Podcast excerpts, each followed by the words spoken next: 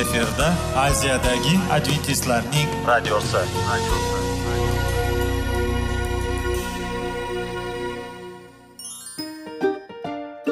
Assalomu alaykum aziz radio tinglovchilar. Sog'liq daqiqasi rubrikasiga xush kelibsiz.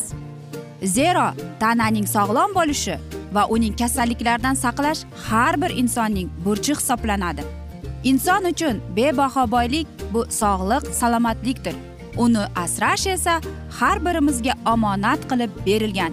Shuning uchun ham inson o'z sog'lig'ini ehtiyot qilishi voajib amallardan hisoblanadi. Dono xalqimiz sog'liq tuman boylik deb bejiz aytmagan. Aql idroq sohibi bo'lgan inson o'z hayotini qadrlashi lozim bo'ladi. Hozirgi kunda qanchalik dori darmonlar ko'paymasin tibbiy muassa sifati shifokorlar vasiyasi tibbiy texnika yaxshilanmasin. Agar insonning o'z salomatligi haqida qayg'urmasa kutilgan natijaga erishib bo'lmaydi va biz sizlarga bizning dasturimizga xush kelibsiz deymiz.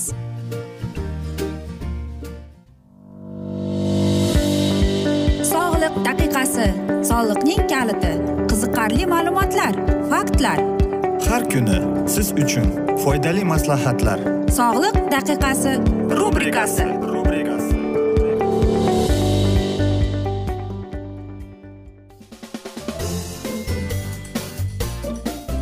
assalomu alaykum aziz radio tinglovchilar. Dasturimizga xush kelibsiz va biz sizlar bilan besh daqiqa sog'liq uchun deb atalgan dasturimizda xushvaqt bo'ling deb aytamiz va dasturlarimizni boshlashdan avval yodingizga solib o'tmoqchi edik. Agar dasturimiz davomida sizlarda savollar tug'ilib qolsa bizga whatsapp orqali murojaat etsangiz bo'ladi. Bizning whatsapp raqamimiz plyus bir uch yuz bir yetti yuz oltmish oltmish yetmish aziz do'stlar.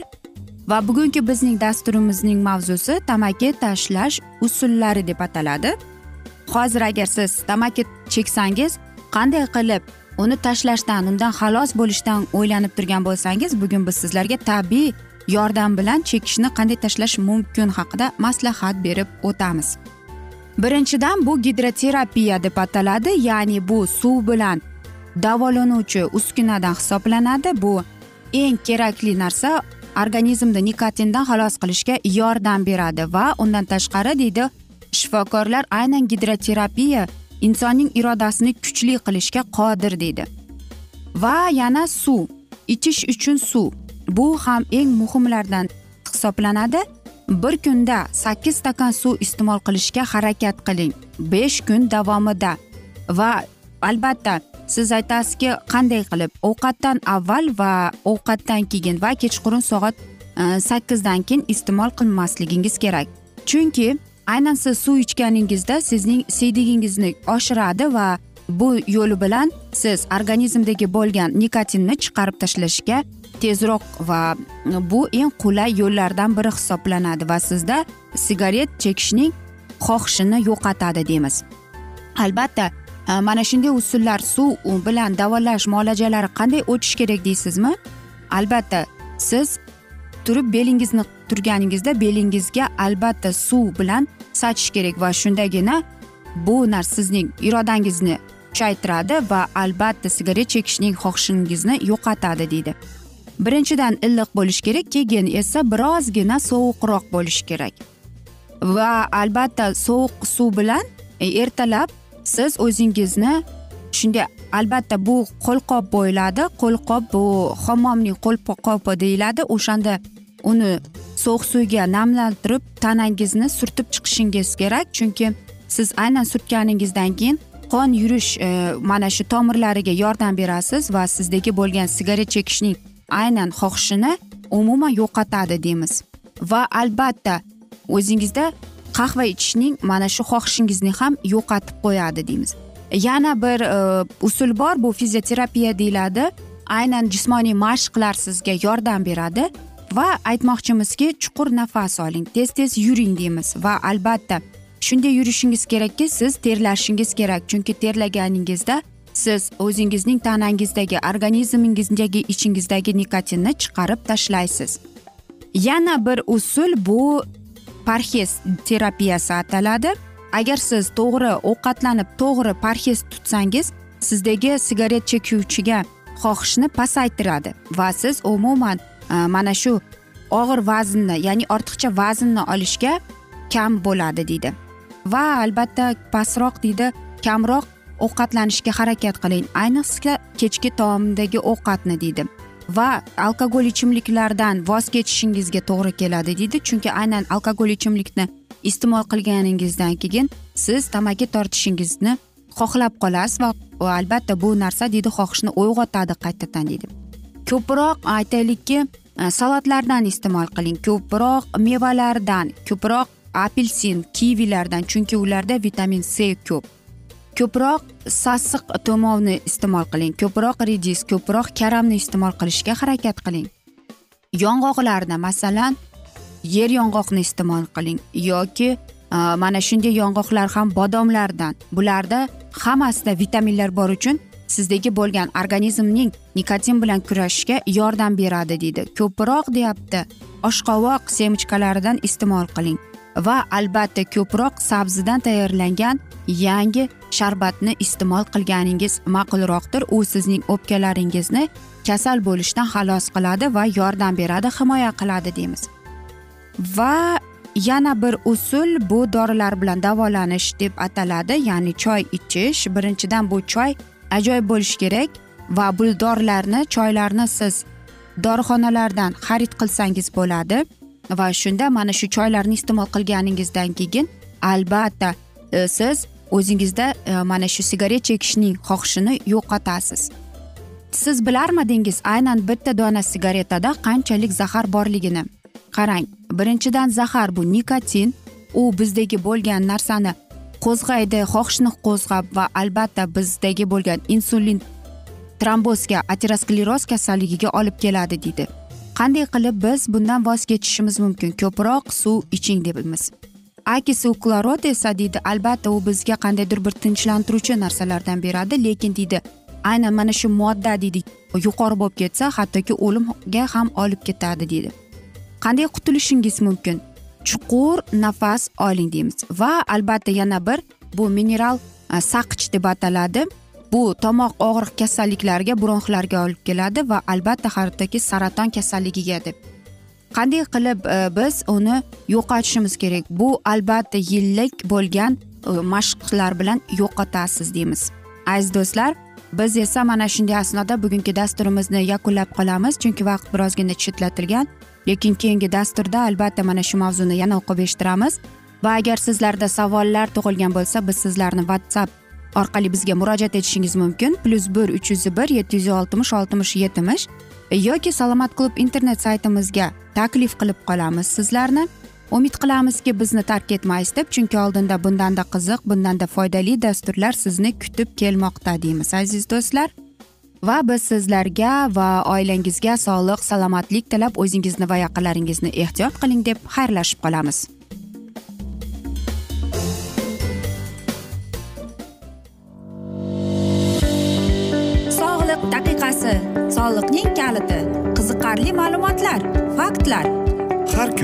Siz uchun foydali maslahatlar. Sog'liq daqiqasi rubrikasi.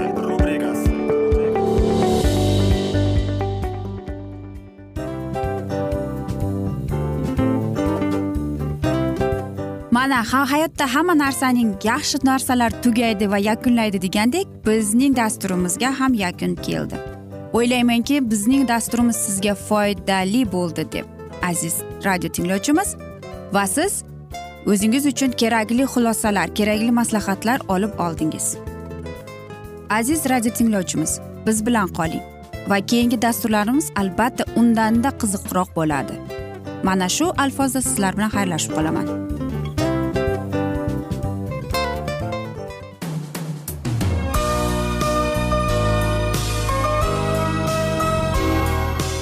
Efirda aziyadagi adventistlarning radiosi.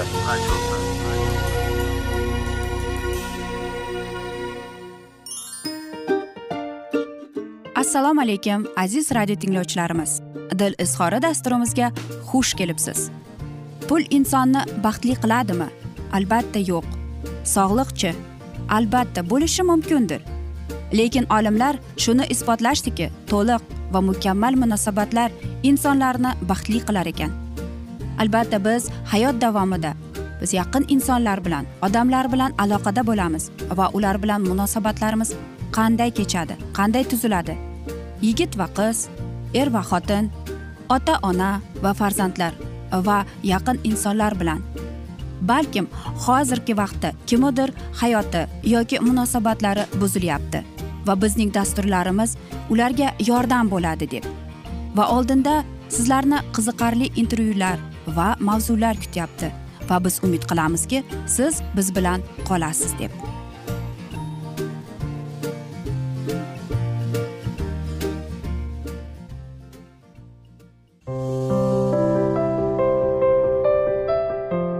Kuni har xil kasbdagi odamlar bilan sirlashish va bo'lishish sevgi rashq munosabat bularni hammasi dil izhori rubrikasida.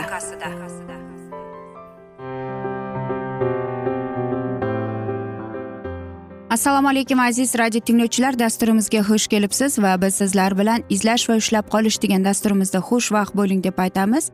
Va bugungi bizning dasturimizning mavzusi oila va nikoh deb ataladi. Oila jamiyatning bir bo'lagi asosiy poydevori.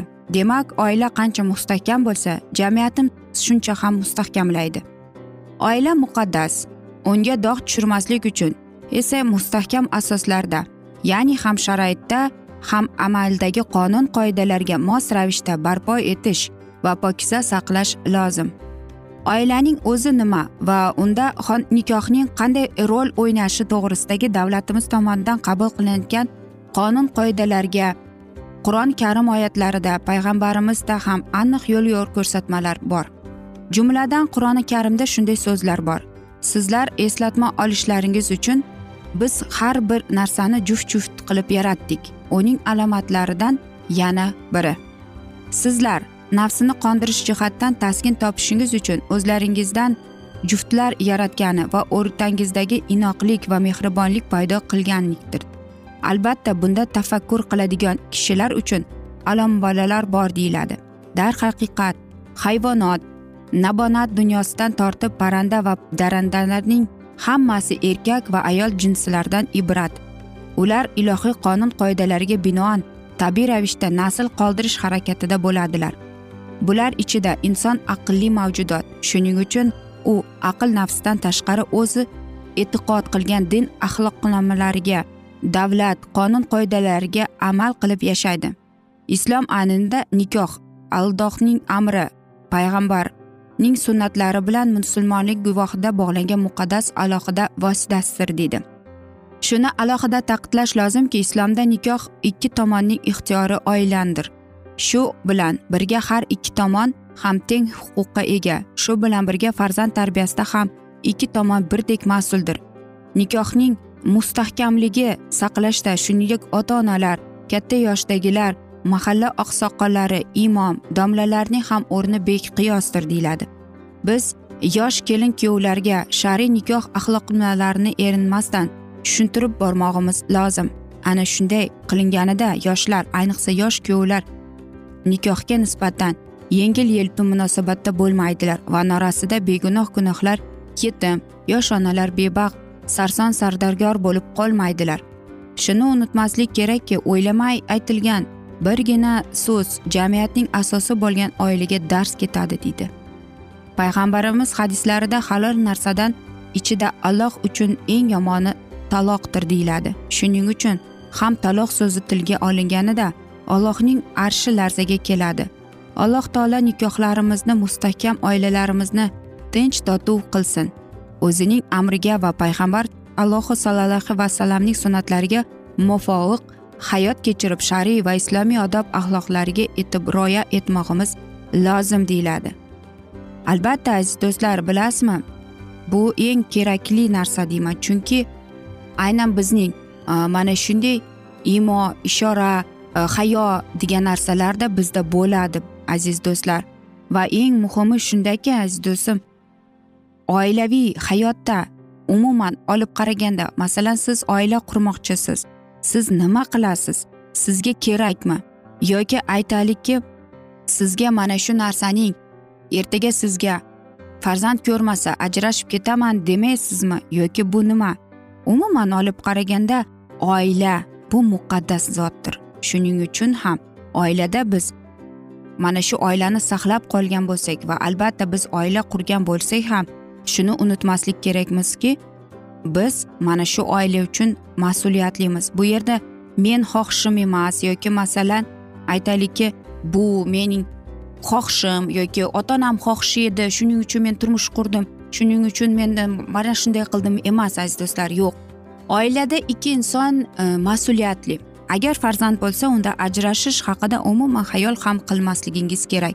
Chunki siz oila qurdingiz parvardigorning oldida bir biringizga so'z berdingiz. Qani bo'pti bir biringizga to'g'ri kelmaysizmi? Bu albatta qiyin. Lekin aziz do'stlar agar biz ortga qarasak nega shu ajrashuvlar past bo'lgan o'sha davrda? Chunki bizning ota onamiz ajrashish so'zi degan narsani xayoliga ham keltirmagan. Biz hozirgi yoshlar esa bir biriga to'g'ri nima sababdan ajrashyapsiz deb savol bersa bir birimizga to'g'ri kelmadik. Bu qanday bo'ladi? Bir yil yashab qanday inson bir biriga to'g'ri kelmaydi? Siz endi bir biringizni o'rganyapsiz taniyapsiz. Shunday oilalar borki yillab yashashadi birga lekin bir birini to'liq yaxshi bilmaydi. Yangidan o'rganishadi o'n uch o'n to'rt o'n besh yigirmada yildan beri birga yashagan oilalar ham bor. Ularda ham qiyinchiliklar bo'lgan. Shuning uchun ham har bir aytilgan so'zimizni har bir xayolimizni boshqarishimiz kerak aziz do'stlar. Shuni unutmaslik kerak. Chunki muqaddas kitobda injilda yozilgan agar sening hayolingda hattoki deyapti boshqa ayolga sen iflos xayol bilan qaragan bo'lsang sen xiyonat qilding gunoh qilding deyapti. Shuning uchun xayollarimizni biz toza saqlashimiz kerak. Qachonki biz o'zimizni sevishga o'rgansak qachon o'shandagina biz birovlarni sevamiz? Va shundagina haqiqiy sevgi bir oilani saqlab qoladi. Bir biringizga sabrli bo'ling hurmat izzat degan narsalar bor. Shuning uchun ham biz doimo dasturlarimizda aytamizki seving seviling deymiz. Bu so'zda judayam katta ma'no bor aziz do'stlar.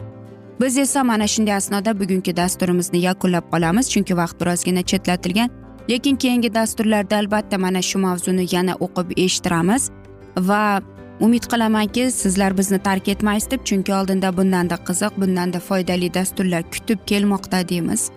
Biz esa sizlar bilan xayrlashar ekanmiz. Sizlarga va oilangizga tinchlik totuvlik sog'lik salomatlik tilab va albatta aziz do'stlar seving seviling deb xayrlashib qolamiz.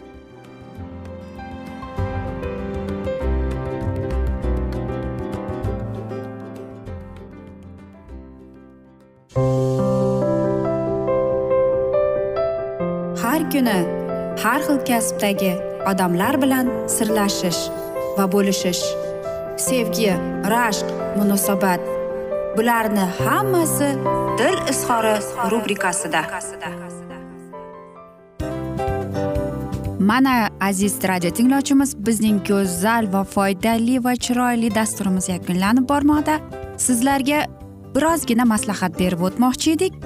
Bir biringizni seving. Qadringizga yeting. Va erkalang albatta bir biringizni va sizga judayam chiroyli va mustahkam munosabatlar tilab qolamiz albatta. Sevgilingiz doimo yoningizda bo'lsin. Mana shu borada sizlar bilan xayrlashib qolamiz. Xayr.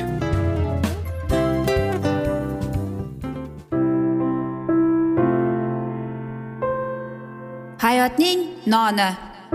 Qiziqtirgan savollar va javoblar. Buning hammasi ko'ngil uchun oziqa rubrikasida.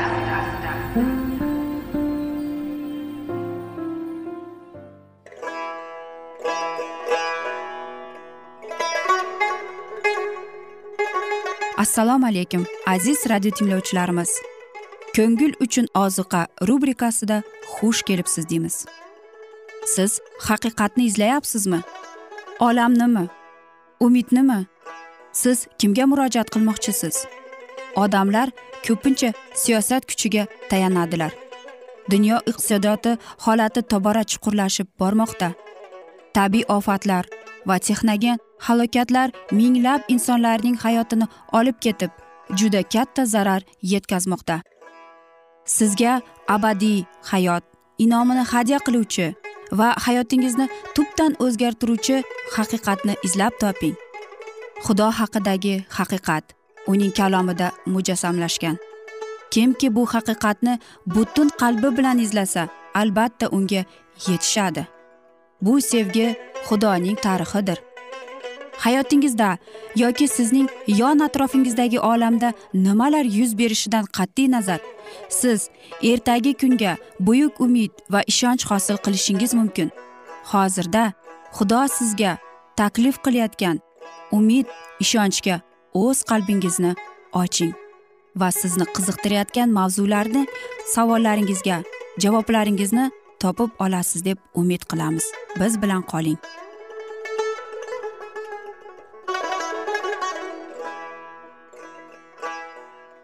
Assalomu alaykum aziz radio tinglovchilar dasturimizga xush kelibsiz. Va biz sizlar bilan ulug' otalar va payg'ambarlar deb nomlangan dasturimizda xushvaqt bo'ling deb aytamiz va bugungi bizning dasturimizning mavzusi gunohlarni e'tirof etish deb ataladi. O'z jinoyatlarini bekitgan kishi muvaffaqiyatga qozonmaydi. Kimki ularga iqror bo'lib qoldirsa inoyat topur deydi. Allohdan rahm shafqat topish sharoitlari oddiy adolatli va idroklidir gunohlarimizga kechirim olishimiz uchun xudovandimiz bizdan qiynalib bajaradigan og'ir ishni talab qilmaydi. Uzoq sajda yo'lga chiqib toliqtirgan sayohatda hojati yo'q. Gunohlarimizdan forig' bo'lib jonga najot topish uchun allohning huzurida azobli tavba qilish ishlarimiz unga kerak emas. Har bir inson o'z gunohlarini tan olib qoldirar ekan parvardigorning inoyatiga sazovor bo'ladi. Aziz havoriy yoqub shunday yozadi shifo topishingiz uchun bir biringiz oldida qilgan gunohlaringizga iqror bo'linglar va bir biringiz uchun ibodat qilinglar. Xudoning oldida gunohlaringizga iqror bo'linglar chunki u sizni kechira oladi va bir biringiz oldida ham shunday bo'lsin deb. Yoki birodaringiz yoki qo'shningizni haqorat qilgan bo'lsangiz aybingizni tan olishingiz lozim. Uning e, burchingizda ochiqdan sizni kechirishdir. Keyin siz ollohdan kechirim so'rashingiz kerak chunki sizdan xafa bo'lgan birodaringiz ollohdan ollohning mulkidir. Va uni yarador qilib siz uni vositachi buyuk yaratgan xaloskorning oldida ham deydi siz gunohkorsiz. Ishingizni yagona vositachi buyuk oliy ruhoniy oldiga keltiring chunki u har tomondan bizlar kabi vasvasaga solingan lekin gunoh qilmagan va zaifliklarimizga hamdar bo'lishga ojiz emas va bizlarni har qanday qonunsizlikdan forig' qila oladi. Kimki o'z aybini iqror etib yuragini parvardigori oldida kamsitmasa adolatli hakam uni qabul qiladigan birinchi shartni bajarmagan bo'ladi. Agar biz keyingi vaqtda pushaymon bo'lib o'z qilmishlarimizga nisbatan tavba qilishni boshimizdan kechirmasak agar betafliqimizdan nafratlanib yuragimiz kamtarlikda va ruhimiz ezilgan holatda gunohga iqror bo'lmasa darhaqiqat biz hali hech qachon o'z gunohlarimizdan forig' bo'lishni va kechirim olishni qidirmagan bo'lamiz. Ha agar biz shuni hech qachon qildirmagan bo'lsak biz samoviy otamiz ila tinchlik topmagan bo'lamiz.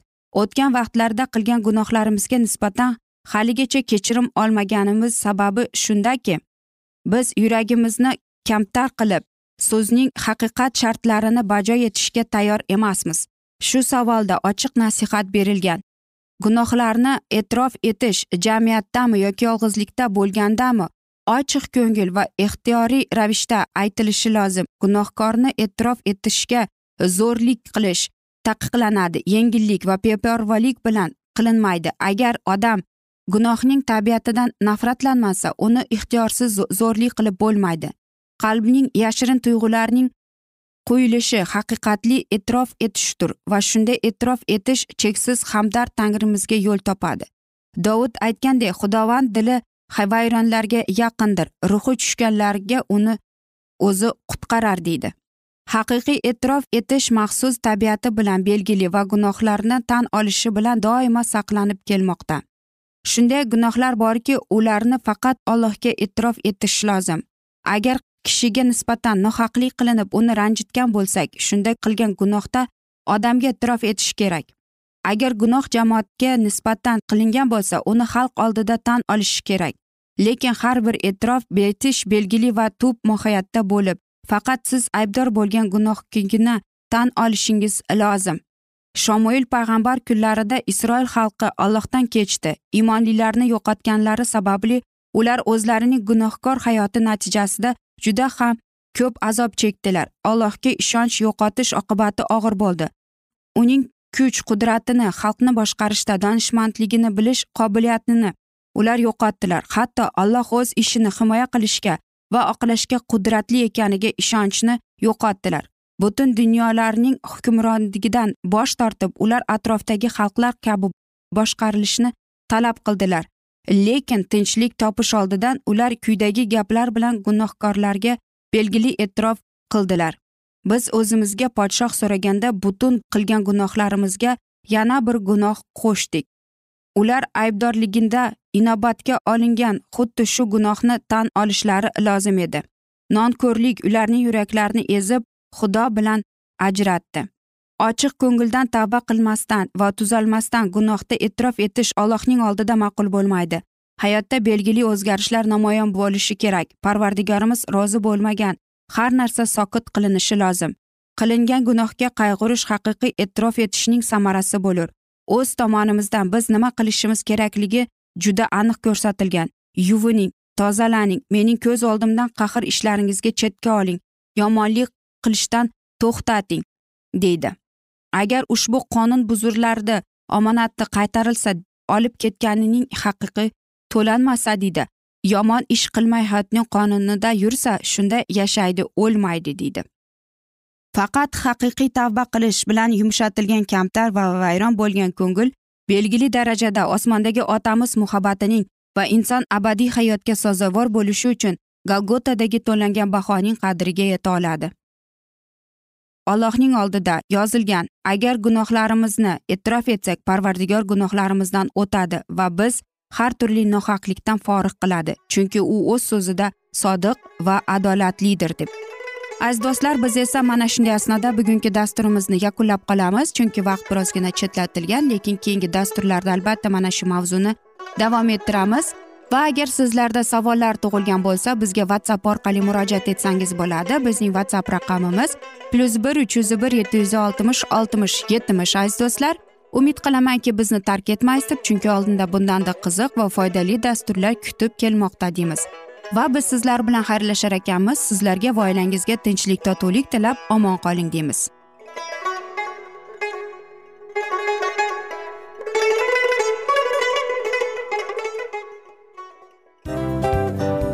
Hamma narsaning yakuni bo'ladi degandek afsuski bizning ham dasturlarimiz yakunlanib qolyapti. Va biz o'ylaymizki bizning dasturimizdan o'zingiz uchun kerakli va foydali maslahatlar olib oldingiz. Sog'liq borasida sizga foydali maslahat berganmiz deb umid qilaman albatta. Va sizlarga mana shu borada sog'liq tilab qolaman. Munosabatlarga kelganda esa sizlarga sevgi omad va albatta yaxshi munosabatlar tilab qolamiz. Uchinchisiga kelganda esa bu juda chuqur va e'tiborli nazarni qumsaydi. Va sizlarga mana shu yaxshilik kayfiyatda sizni kayfiyatingizni ko'targan holda sizlar bilan xayrlashib qolaman afsuski. Ammo lekin keyingi dasturlarimiz undanda qiziq bo'ladi. Va siz biz bilan bo'ling. Bizni tanlaganingiz uchun sizlarga rahmat. Omad sizlarga. Xayr.